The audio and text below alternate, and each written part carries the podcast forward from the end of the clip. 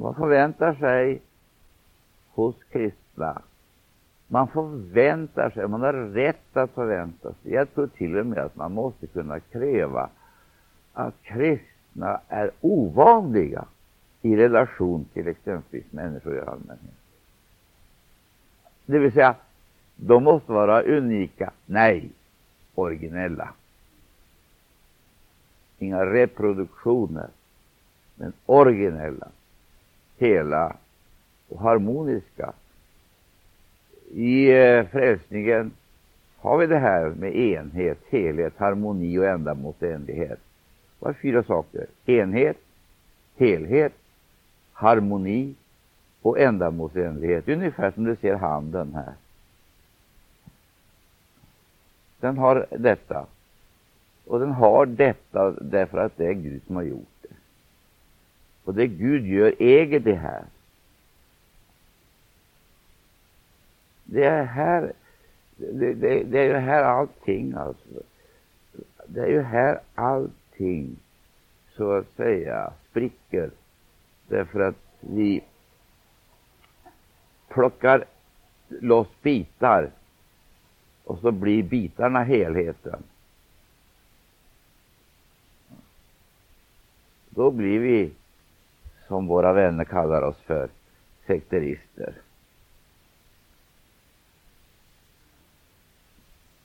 Om vi nu läser eh, skriften nu vidare så ska vi titta på några saker som kanske inte alla kommer att gripa om här ikväll.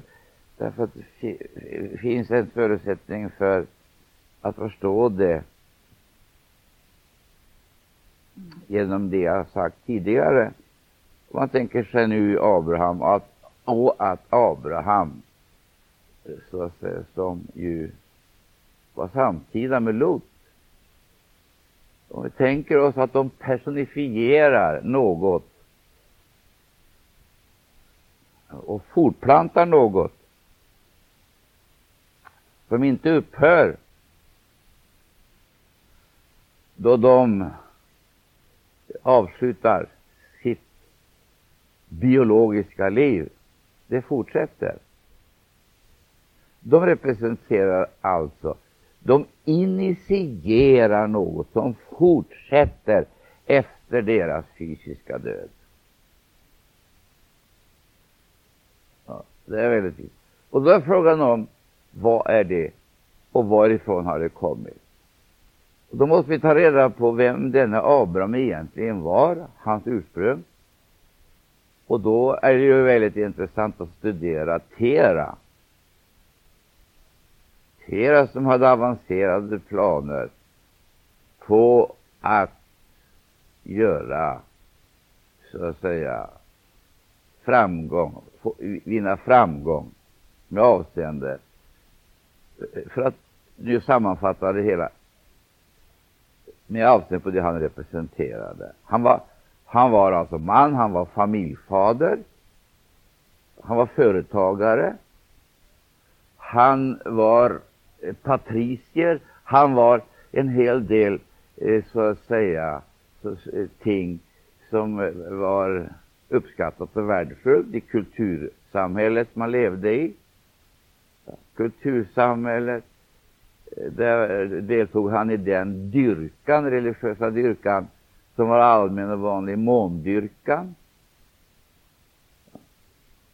Men han trivdes inte riktigt bra skulle man kunna säga.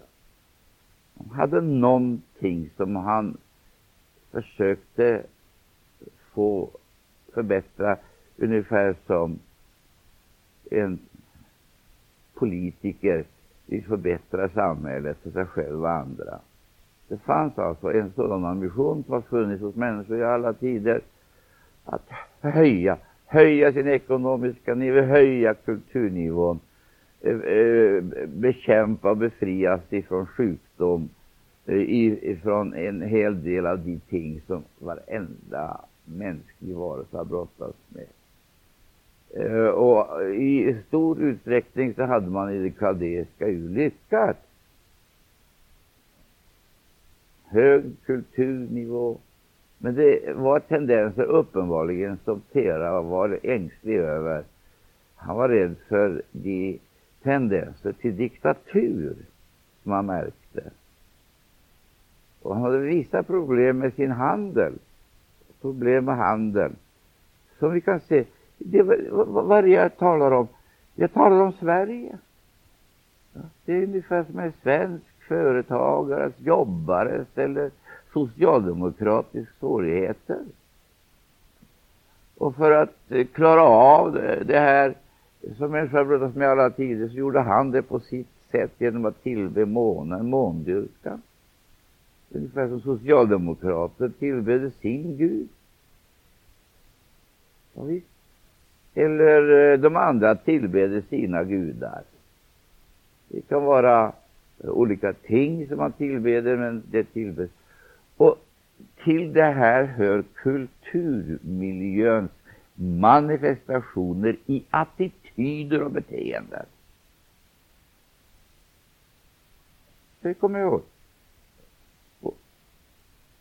Och när vi kommer in på sådana här saker som vi kanske känner lite svårt att tala om, homosexualiteten, så har inte Bibeln, Bibeln den behandlar inte homosexualiteten exempelvis som man gör i modern teologi. Inte modern psykologi heller naturligtvis. Därför det blir så, allting blir så snett. Därför att man plockar ut homosexualiteten som en enskild företeelse utan att tänka på bakgrunden, vad som är upprinnelsen till det hela. Vad som är upprinnelsen. Eh, och så åberopar man exempelvis eh, Sodom. Och i eh, skildringen om Sodom hittar man ingenting av det moderna teologer påstår. Någon teolog vill ju hävda att eh, det fanns inte ett sånt här moraliskt problem där det var frågan om erotisk lust. Det fanns inte ett sådant problem eh, som skulle vara orsaken till konflikten mellan änglarna och männen i Sodom. Så när de begärde att de skulle föras ut för att de skulle känna på dem, så hade eh, man, säger någon teolog, eh, inte, var inte tanken att det eh, skulle vara frågan om något, ett närmande, ett kroppsligt, fysiskt, erotiskt närmande eller någonting i den stilen. Nej, säger teologerna, och de är som ni vet väldigt kloka, de säger så här, det var egentligen ett uttryck för bristande gästvänlighet, säger de. Och då måste jag säga, det är faktiskt det absolut värsta straff jag har hört, att regn, eld och svavel regnar ner från himlen därför att vi inte är gästvänliga tillräckligt. Ja, men det här är ju, det förstår ju varenda jag att detta är nonsens. Det är ingenting. Men så håller man på att spröjta in i ungdomars, eh, så att säga, idévärld eh, i, vid universiteten. Så de får det till att det var frågan om alltså Guds vrede över att man, var, att man inte var tillräckligt gästvänlig mot änglarna eller mot de främmande sändebuden. Jag upprepar det här för andra gången, för att för andra gången kunna kalla det för det jag tror det är, nonsens. Ingenting annat än Men det står i böckerna, och man blir teologidoktor på det.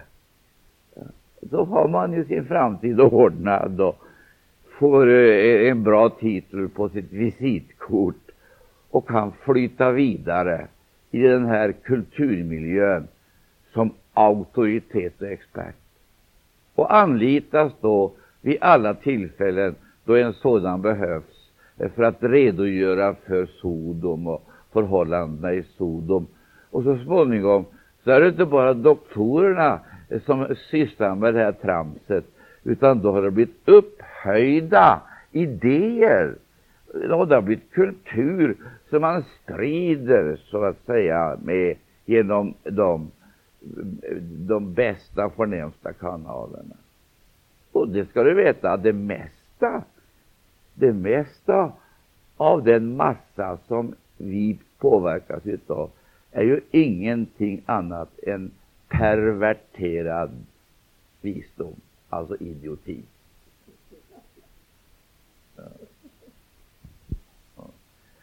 Så jag menar, ni måste ju förstå, älskade syskon, att får vi ingen annan kunskap om oss själva och om faktiska förhållanden, så väntar det ingenting annat än eld och svår för oss heller. Och nu ska jag försöka stanna lite vidare inför det, men ni, ni får ursäkta mig. Jag upplever mig trött. Ska jag orka med det här så får ni sannerligen se glada ut. Får, får ni prisa Gud så det kommer igenom.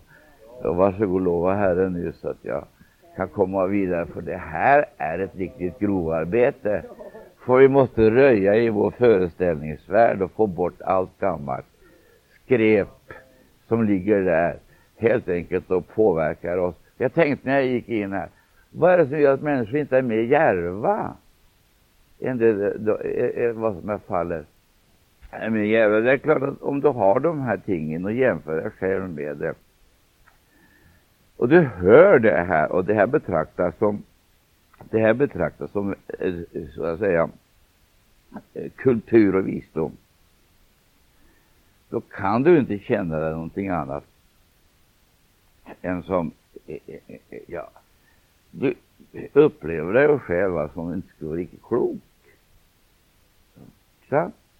Men det är ju det, detta vi måste komma fram till, att vi har en högre kunskap, inte en sämre och lägre. Vi har en högre, men den är inte fräck. Den är frimodig. Men så är den samtidigt ödmjuk. Och den kommer inte med några hot utan den kommer ödmjukt med ett frälsningserbjudande som inte passar in i kulturmiljön. Förstår du? Och då, det, det här, man kan känna sig liten och enkel och så vidare. Men kära ni, det vi representerar, det är av sådan kvalitet att det tål all belysning. Vad vi borde göra, vi borde göra mer än gång, det är att frimodigt träda fram i kulregnet.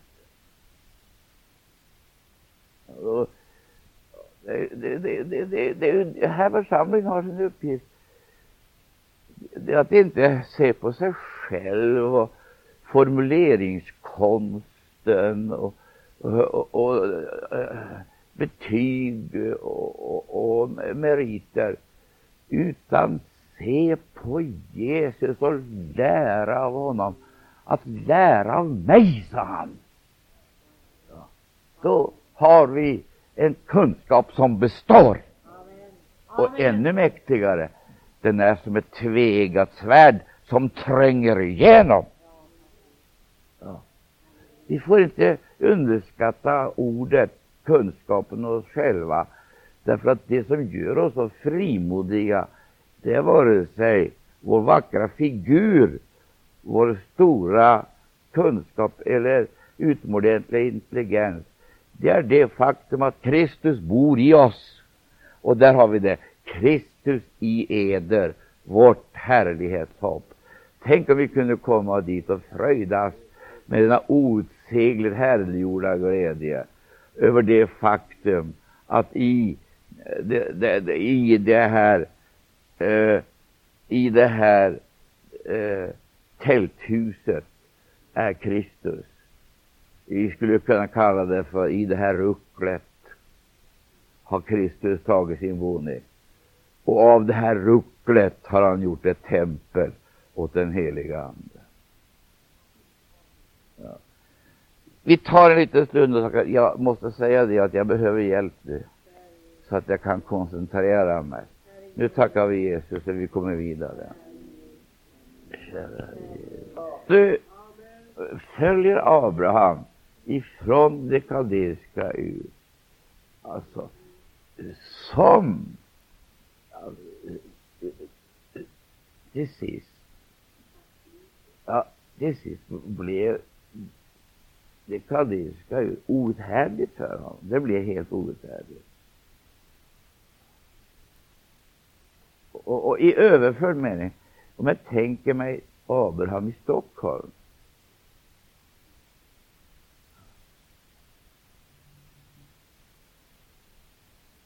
Alltså Stockholms möte, eller Abrahams möte med Stockholm, vad skulle jag inneburit?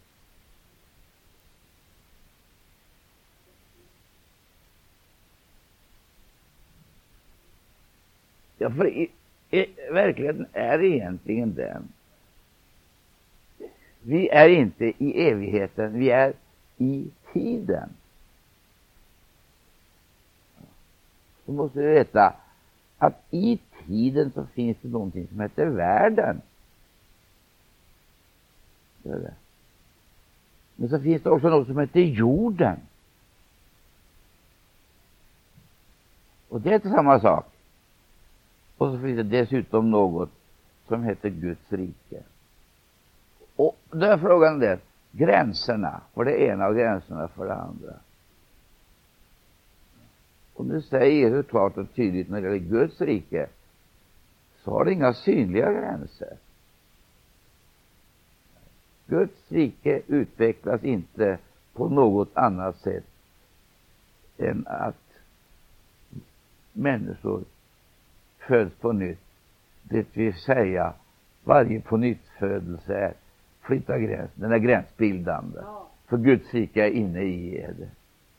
Vilket då i realiteten innebär att i strid mot världen så ska församlingen erövra jorden i tiden.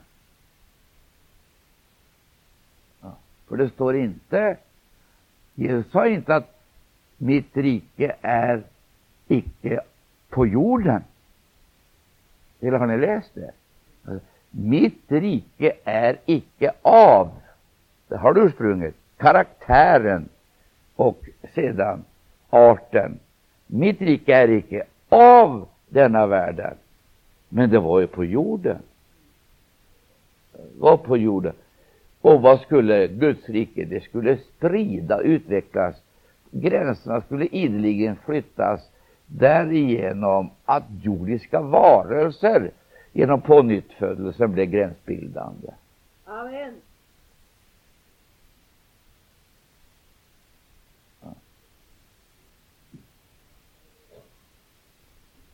Var är gränsen till Guds rike?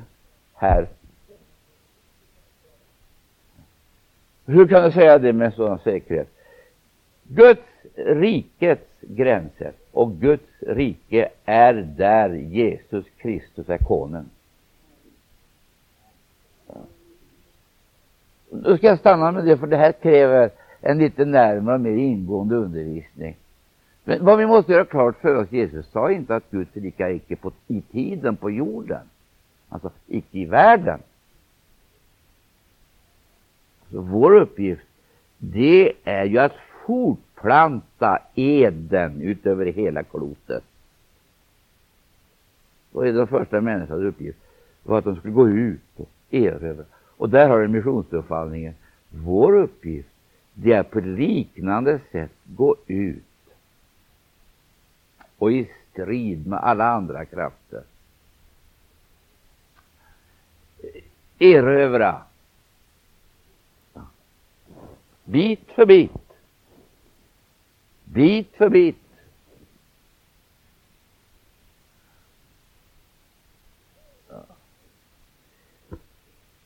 Så att jag, jag tror många gånger vi fruktar missuppfattar vår kallelse istället för att erövra jorden. Så bygger vi städer, det vill säga så gyttrar vi ihop oss i stora och mäktiga städer. Och nu får du se det här alltså i överförd mening. Så allt det vi gör, det får något av Babels karaktär. De sammangyttrade sig för att demonstrera sin styrka. och bygga sig ut ur svagheten, fattigdomen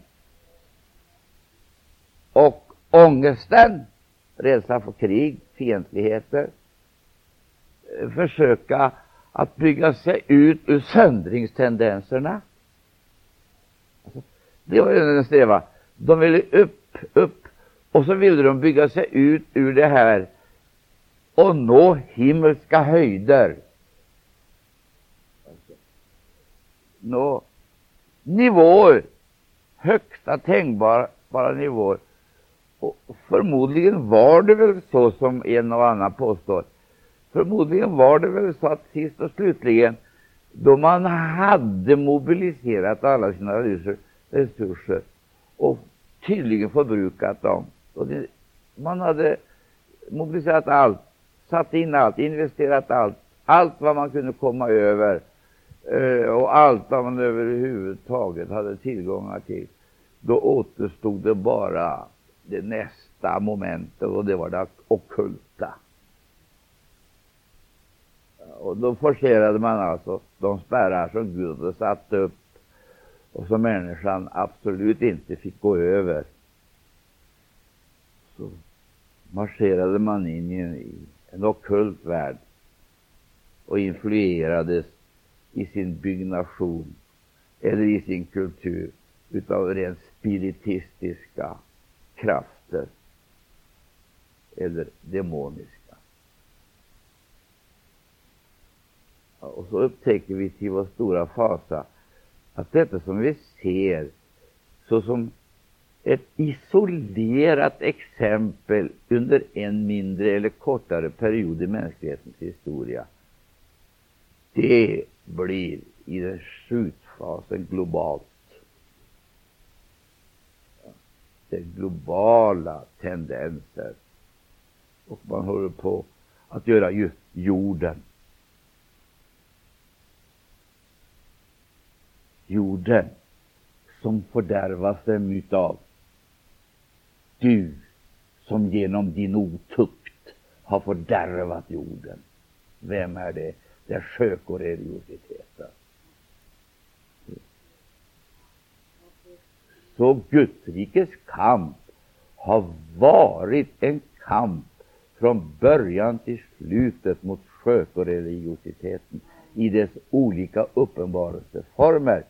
Och då har det varit en strid mot ondskans andemakter, ska du veta, som har synliggjorts, institutionaliserat eller strukturerat i olika block av politisk, religiös, kulturell eller annat, som exempelvis har med nöjen och idrott men i alla händelser har med kult att göra. Ni, förstår, ni måste ju förstå det när skriften säger med en sån kategorisk klarhet att hela världen är i den ondes våld. Så finns det ingen sektor där det är ett fridlyst område. Men det finns ett fridlyst område på jorden och det är Golgata. Det är fristaden dit människan kan fly och bli rädda. Kan vi säga tack och lov för det? Nu tycker jag vi ska prisa Jesus. För att egentligen så är mänsklighetens situation, den är totalt hopplös. Den är, den är hopplösare än hopplös. Det finns inget, finns inget utrymme, det finns ingen plats, det finns inget område där denna religiositet inte har huggit tag i människan och förstört hennes förutsättningar att bli troende. Därför att den sjökoreligiositeten har förstört själva anlaget. Ungefär som du ser den här vidriga kvinnan eh, som kastar surdeg i mjölet. Hon väntar inte till kakan ens är gräddad. Börjar redan på ett tidigt stadium och slänger dit surdegen redan i mjölet. Det sker aldrig annars. Men i Andens rike upprepas det där. Redan på mjölstadiet är hon där med sin surdeg och därmed är alltihop fördärvat. För du kan ju inte sedan när surdegen har kommit ner i mjölet eh, försöka få ut det. Det är inte så. Du kan ta bort en bit och därmed rädda degen, hela degen. Det är nämligen lite surdeg. Den syrar hela degen. Och börjar vi titta lite på det här med surdegar, det hinner jag inte med att göra nu, men käre Gud vad vi behöver kunskap för.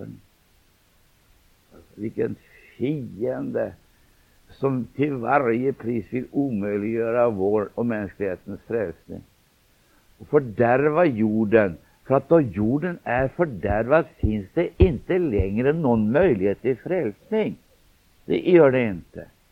Utan då sägs det så här att nu måste du gå ut, dra ut ifrån henne i mitt folk så att ni inte gör eder skyldig, gör eder delaktig i hennes försyndelse.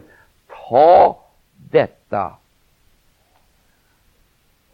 och tänk och tänk igen. Vari består denna association?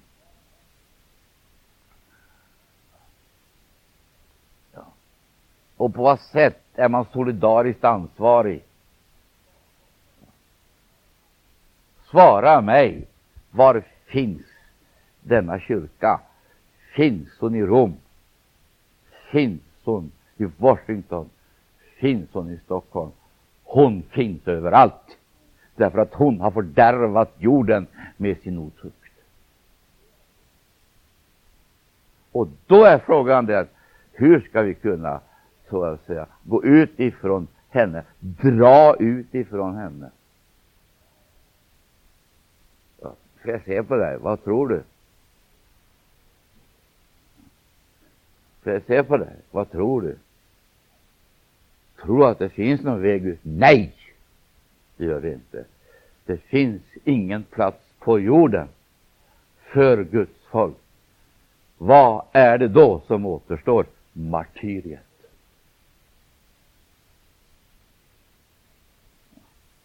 Och det är det vi inte har sett och tagit förstått tagit konsekvenserna utav när vi har låtit henne få operera och låtit henne exempelvis att sprida sig på det sätt som har skett utöver hela mänskligheten utan att vi har protesterat med vårt eget liv som insats. Därför att vi har tänkt att vi ska komma undan martyriet och så har vi gjort det lite för bekvämt för oss. Det finns ingen väg utom. Nu kan martyret vara av olika grader. Ända ner till det blodiga. Men jag vill påstå att det psykiska martyriet är oblodigt egentligen är svårare och värre än det fysiskt blodiga.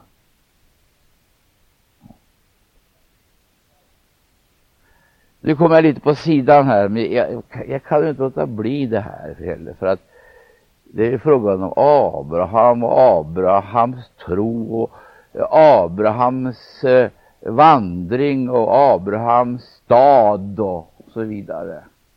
Allt sammans detta som vi tänker på, talar om, längtar efter.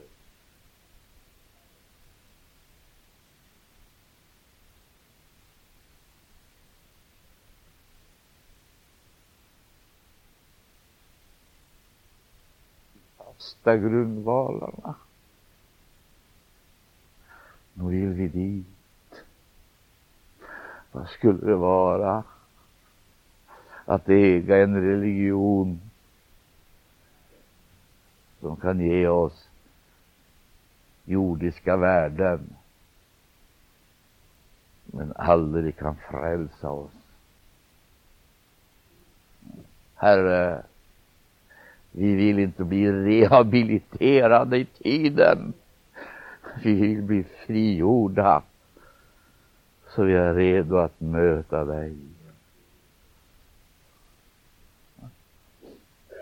Herre Jesus, låt denna vision. låt denna vision, där Gud få ett sådant grepp om oss så vi upplever det som en ynnest att få vara en pilgrim på vandring. En pilgrim som inte slår sig till ro. En pilgrim som bor i tält, bygger sitt altare, offrar till sin Gud och har den stege som ger förbindelse med staden och dess medborgare och härliga. Cigololori tidio, si prosili cigilgi custuk te finns, sigidio. O Herre, ci pati pronosi glorio, o i clividus,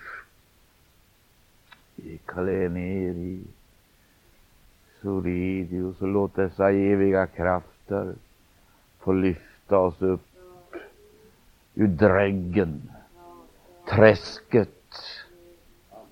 Lyfta oss upp, kära Herre, placera oss på ditt berg, Sions berg. I, åh, oh, halleluja. Amen. Någon mer tacka Jesus. Mål, det är inte att få ett Gosen i Egypten för att få det lindrigare och trivas i världen på ett främmande territorium. Alltså jag vill säga det, vårt mål är ju inte att få ett Gosen i Egypten, utan vad vi längtar efter, det är ju ett nytt land. Släpp mitt folk så att de kan hålla högtid åt mig i öknen. Hellre öknen än gosen. Bara Herren är där. Ja. Bara Herren är där. Släpp mitt folk från förgängelsens, fördömelsens, träldomens bojor så att de kunde hålla högtid åt mig i öknen. Gud vill ha ett fritt folk, inte ett kränkt och förödmjukat, men ett fritt folk. Och för att bli ett fritt folk så måste det bli ett mitt folk, avskilt folk. Vi måste veta vem vi tillhör, vem som är vår Herre så vi inte delar oss med någon annan makt eller konstellation i tiden. Vi talar inte med kluven tunga. Vi bekänner entydigt med hela vår varelse och kraft kraften i det vi representerar att Jesus är Herre, han är konung och han härskar över våra liv. Det vill säga, ett avskilt folk. Det är ju där hela problemet ligger. Därför att i tiden är det modernt att blanda ihop och göra en religiös mix som alla ska acceptera. Och vi gör det fint med färger och former och använder utomordentligt fina uttryck för att marknadsföra produkten. Vi kallar det ekumenik. Och då vill alla ha det och äter ihjäl sig på det. För det är som ett gift. Alltså, men det är avskildheten som är så oändligt viktig. Vad är avskildhet? För se på det. Avskildhet är helgelse. Helgen är där.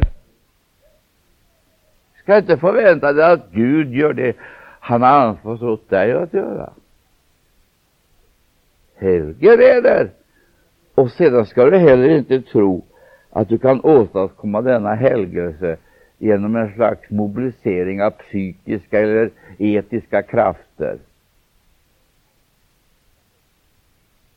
Och ändå så måste det till ett personligt engagemang, din vilja.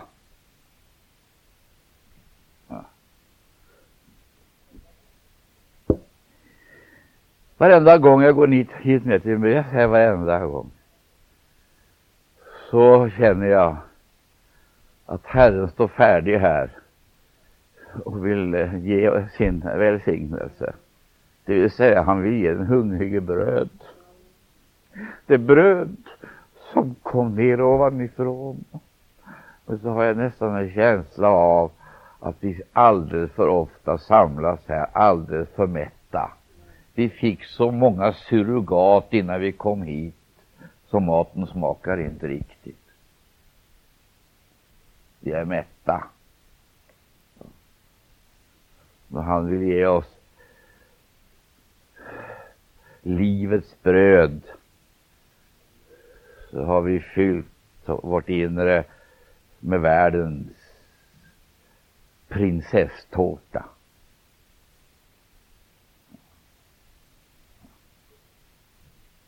Så smakar inte brödet, men så får vi heller ingen näring som tacklar av istället för att växa till i kraft så blir vi andliga benrangel utan hull, utan form. Men ack ännu värre, utan kraft.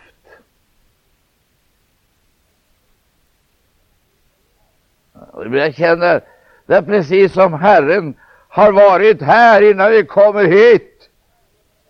Och om vi är riktigt eh, känsliga så upptäcker vi redan när vi öppnar munnen och sjunger den första sången så står han färdig med sina välsignelser. Så vill han att sången ska bli våra erfarenheter.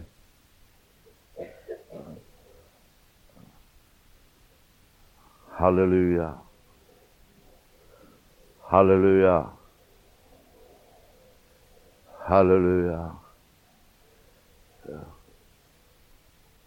Det sjunger i mitt hjärta. Skurar av höjden Ämniga sänd oss, o Gud. Känner du det? Behöver du det? Väntar du på det? Men det är den ena sidan. Den andra sidan det är det här. Skurar av höjden Herren oss sänder just nu. Halleluja. Du får säga amen du också. Du får säga pris Gud du också. Droppar ej endast men skurar Herren dig sänder just nu. Det påstås att när torkan kommer så syns det först därigenom att marken spricker. Det stora ämnen i marken. Och där har du det. När torkan kommer, kommer splittringen. Då går det isär alltihop. Så fort det börjar regna Ära vare Gud. Förstår du rörelsen? Guds kraft förenar ett nedslag från höjden, välsignelsens regn, nådens regn. Det förenar, smälter ihop och framför allt så gör det till och med öknen till en lustgård. Kan du säga amen till det? Och det är det Gud vill. Han vill göra självaste öknen i vårt eget inre till en lustgård som bär tolv frukter om året. Tolv skördar. Du förstår, kära broder och syster, Gud har i förberedelse så enormt mycket. Och varje gång så upptäcker jag att vi står i vägen för honom. Vi står i vägen därför att vi släpper till andra herrar, andra furstar som inte han vill konkurrera med. Han vill inte ha några rivaler därför att med svartsjuk kärlek så trängtar han efter att få ta sin boning i oss alla ihop. Då sker det som skrift, lovar. Ja, vi blir Guds människor.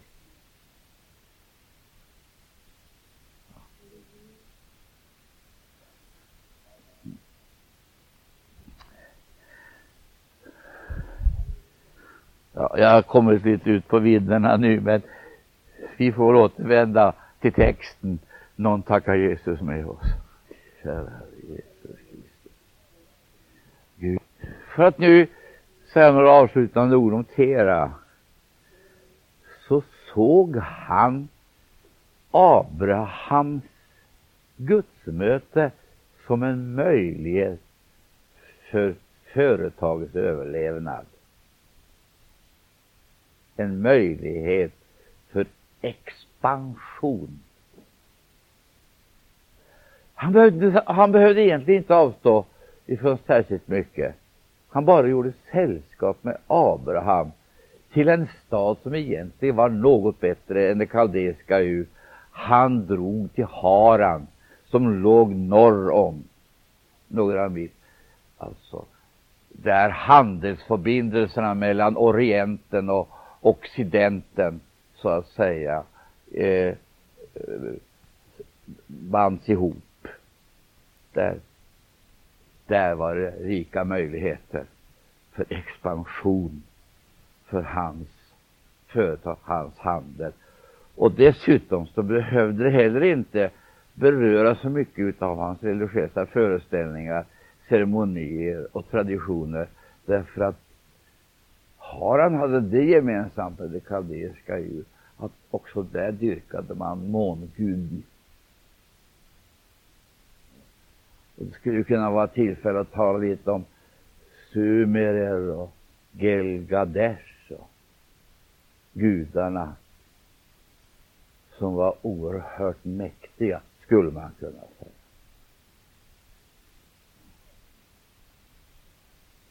Och Tera, han var samarbetsman med ambitioner. Så han inledde ett eh, personligt samtal med Nahor, sin bror. Och så hade han liksom framtiden då ordnad, tyckte han förmodligen, genom Nahors son och sin egen son. Därmed så var alltså rekryteringen klar och möjligheterna för en mycket framtid, eh, stor framgång. Jag, jag ser det här. Jag, jag skulle vilja beskriva det ytterligare, för att det är så typiskt för människan när Herren kallar någon till profet eller till evangelist eller till sin tjänare så talar han med pappa och mamma om det som skickar sin pojke till ett seminarium. Jag skickar honom till ett seminarium och då kommer han ut som ämbetsman och funktionär. Men han blir aldrig profet. Så Han förlorade sin originalitet och blev samfundets reproduktion på seminariet. Han blev aldrig en evangelist. Han blev en pratmakare. Han blev aldrig ett original. Därför att han hade inte gått igenom vad då för någonting? Processen. Vilken process? Dödsprocessen.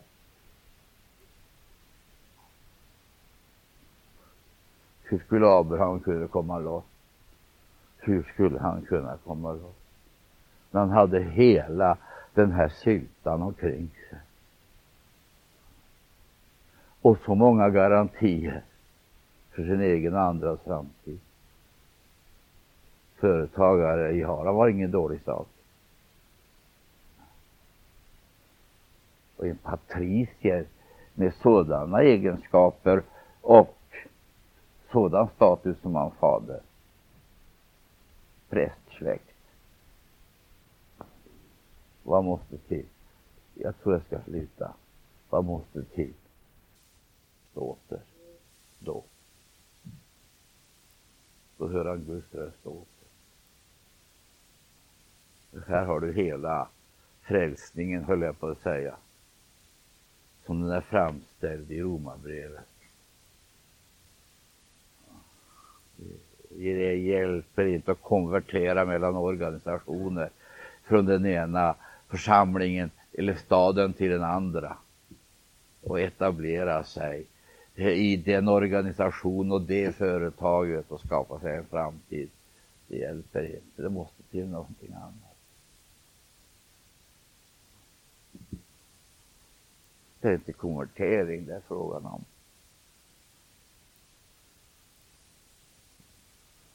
Det är inte frågan om att höja standarden, få det bättre. Öka civilisation och så vidare. Fråga om någonting annat. Och för att komma vidare så måste det ske så vi så klart ser i, i Nya Testamentet och död, död och begravning. Och sedan var det iväg med Lot. Där ser du hur allting är invävt i vår föreställningssfär och vårt beteende. Då dör han Tera, men då har han kvar Lot. Så har du i Tera bilden då, eller Eh, mannen, gestalten, jag säger mannen, som gestaltar hedendomen. Den förfinade hedendomen.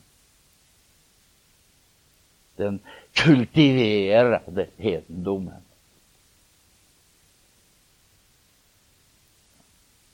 Och så Lot, som jag sagt, som personifierar ljumhet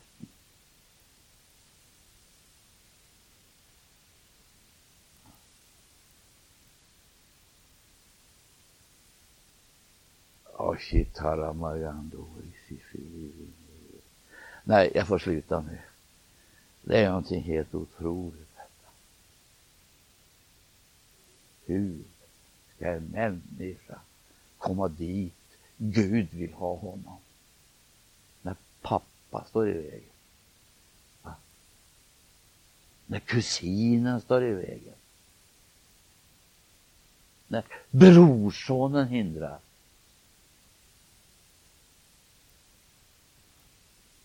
Man skulle ju tro att det skulle varit en hederssak att hjälpa till så att ingen blir efter och påskynda, inte bromsa kallelsens förverkligande påskynda och inte hindra eller göra sken utav att det finns någonting som är lika bra eller kanske till och med ännu bättre. Det finns en bättre form för gudstjänst och en större möjlighet att tjäna Gud här eller där, eller om du är si eller så. Bara du inte överlämnar dig åt kallelsen och blir fanatisk.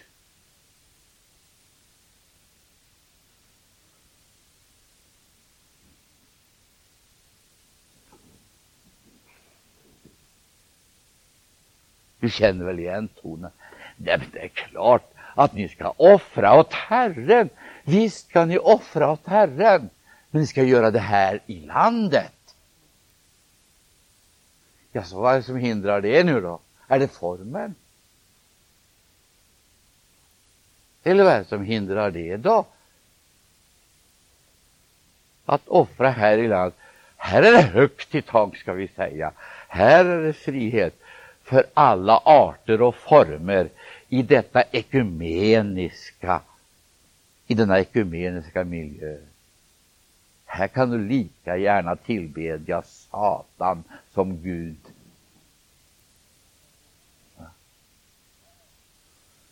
Här kan du hänge dig åt det som fångar dig, intresserar dig, driver dig. Här finns det utrymme. Nej du, det var ett utrymme han sökte avskildhet, ja. överlåtelse åt den enda guden. Det var ett territorium, det var ett territorium dit farao spira inte nådde. Det var frihet.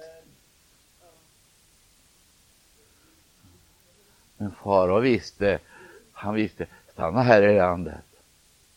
Men då var svaret det enda tänkbara. Ja, det kan du inte. Det går ju inte för att det vi offrar, det vi offrar, det är ju som, vad står det? Som en Det används speciellt uttryck där. Eh, för, för egyptierna var det en, eh, en vämjelse.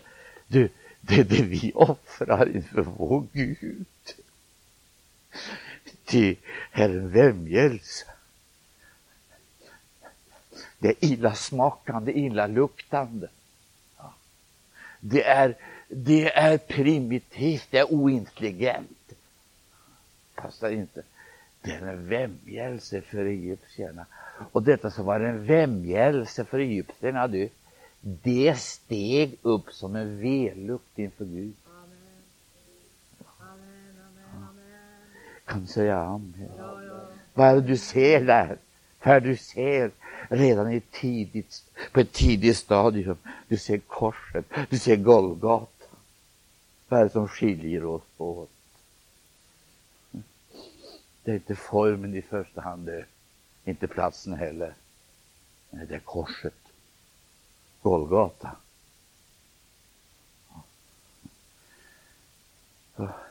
Så att alla vill ha kristendomens andrahandsverkningar, bara de slipper kristendomens kraft.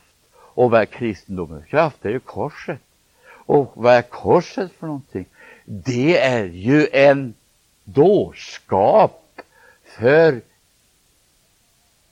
och en stötestöt en dårskap för grekerna, en stötesten för judarna.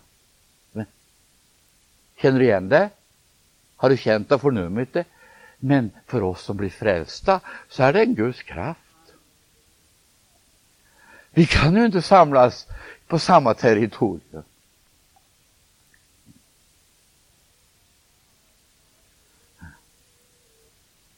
Skulle vi kunna stanna kvar där och tillbe och känna lycka och glädje. Och sedan då anpassa vårt offer till det så som inte är anstötligt för egyptierna. Vad blir det då? Ja, då kan det inte bli någonting annat än Kains offer. För det passar i alla sammanhang. Dofter, färger, former,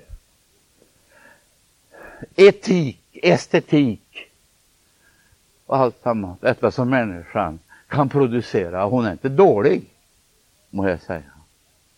Men vad hon inte kan åstadkomma, och det är ju där själva problemet ligger. Det demonstreras i offret.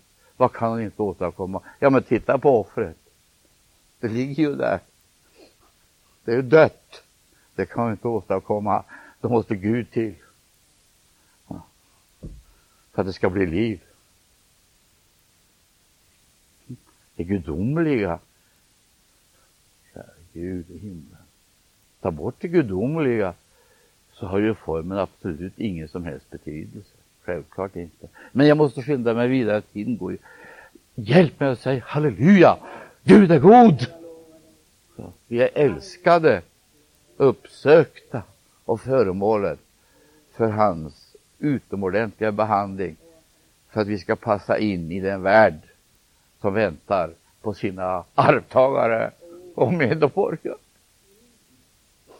Och snart så är vi där. Då det ska fullkomnas i härlighet för Jesus skull. Han kan inte förhärligas, hör det, förrän bruden är hemma. Hans förhärligande är beroende av din och min närvaro.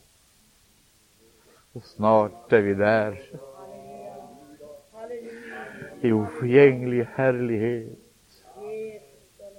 Och han ska förhärligas i alla sina heliga, som skriften säger. Ord räcker icke till. Oh, kan vi inte prisa Gud? upphöja honom som har gjort det möjligt för oss så att vi får uppleva det här i tiden. Jesus, vi pris ära. Ja, tacka Jesus.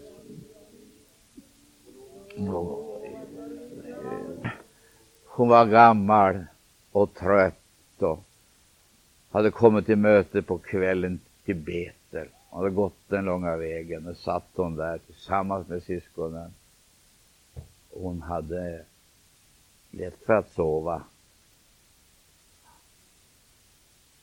Men så rätt vad det var så ropar hon. Jag minns det. Jag var nio år då det hände. Eller kanske tio. Imsen! Ims, ropar hon på min far. Dere må synge 266.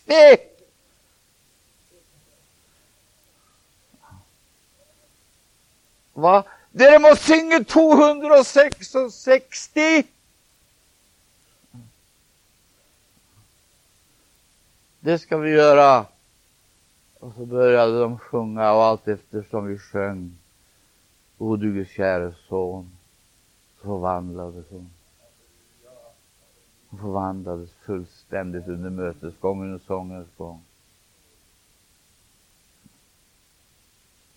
Sist sätter hon sig ner, lyfter sina armar mot höjden och då hörs bara Tack du underbare Jesus. Så sprang hon hem. Nog är det märkligt eh, att ett möte kan vara så förnyande också rent fysiskt. Så gumman blev vacker där hon satt. Nu frågar jag dig, du har väl mött Jesus ikväll? Du har väl berört av hans ande? Då slutar vi nu. Och så möts vi imorgon fortsätter undervisningen i skrift.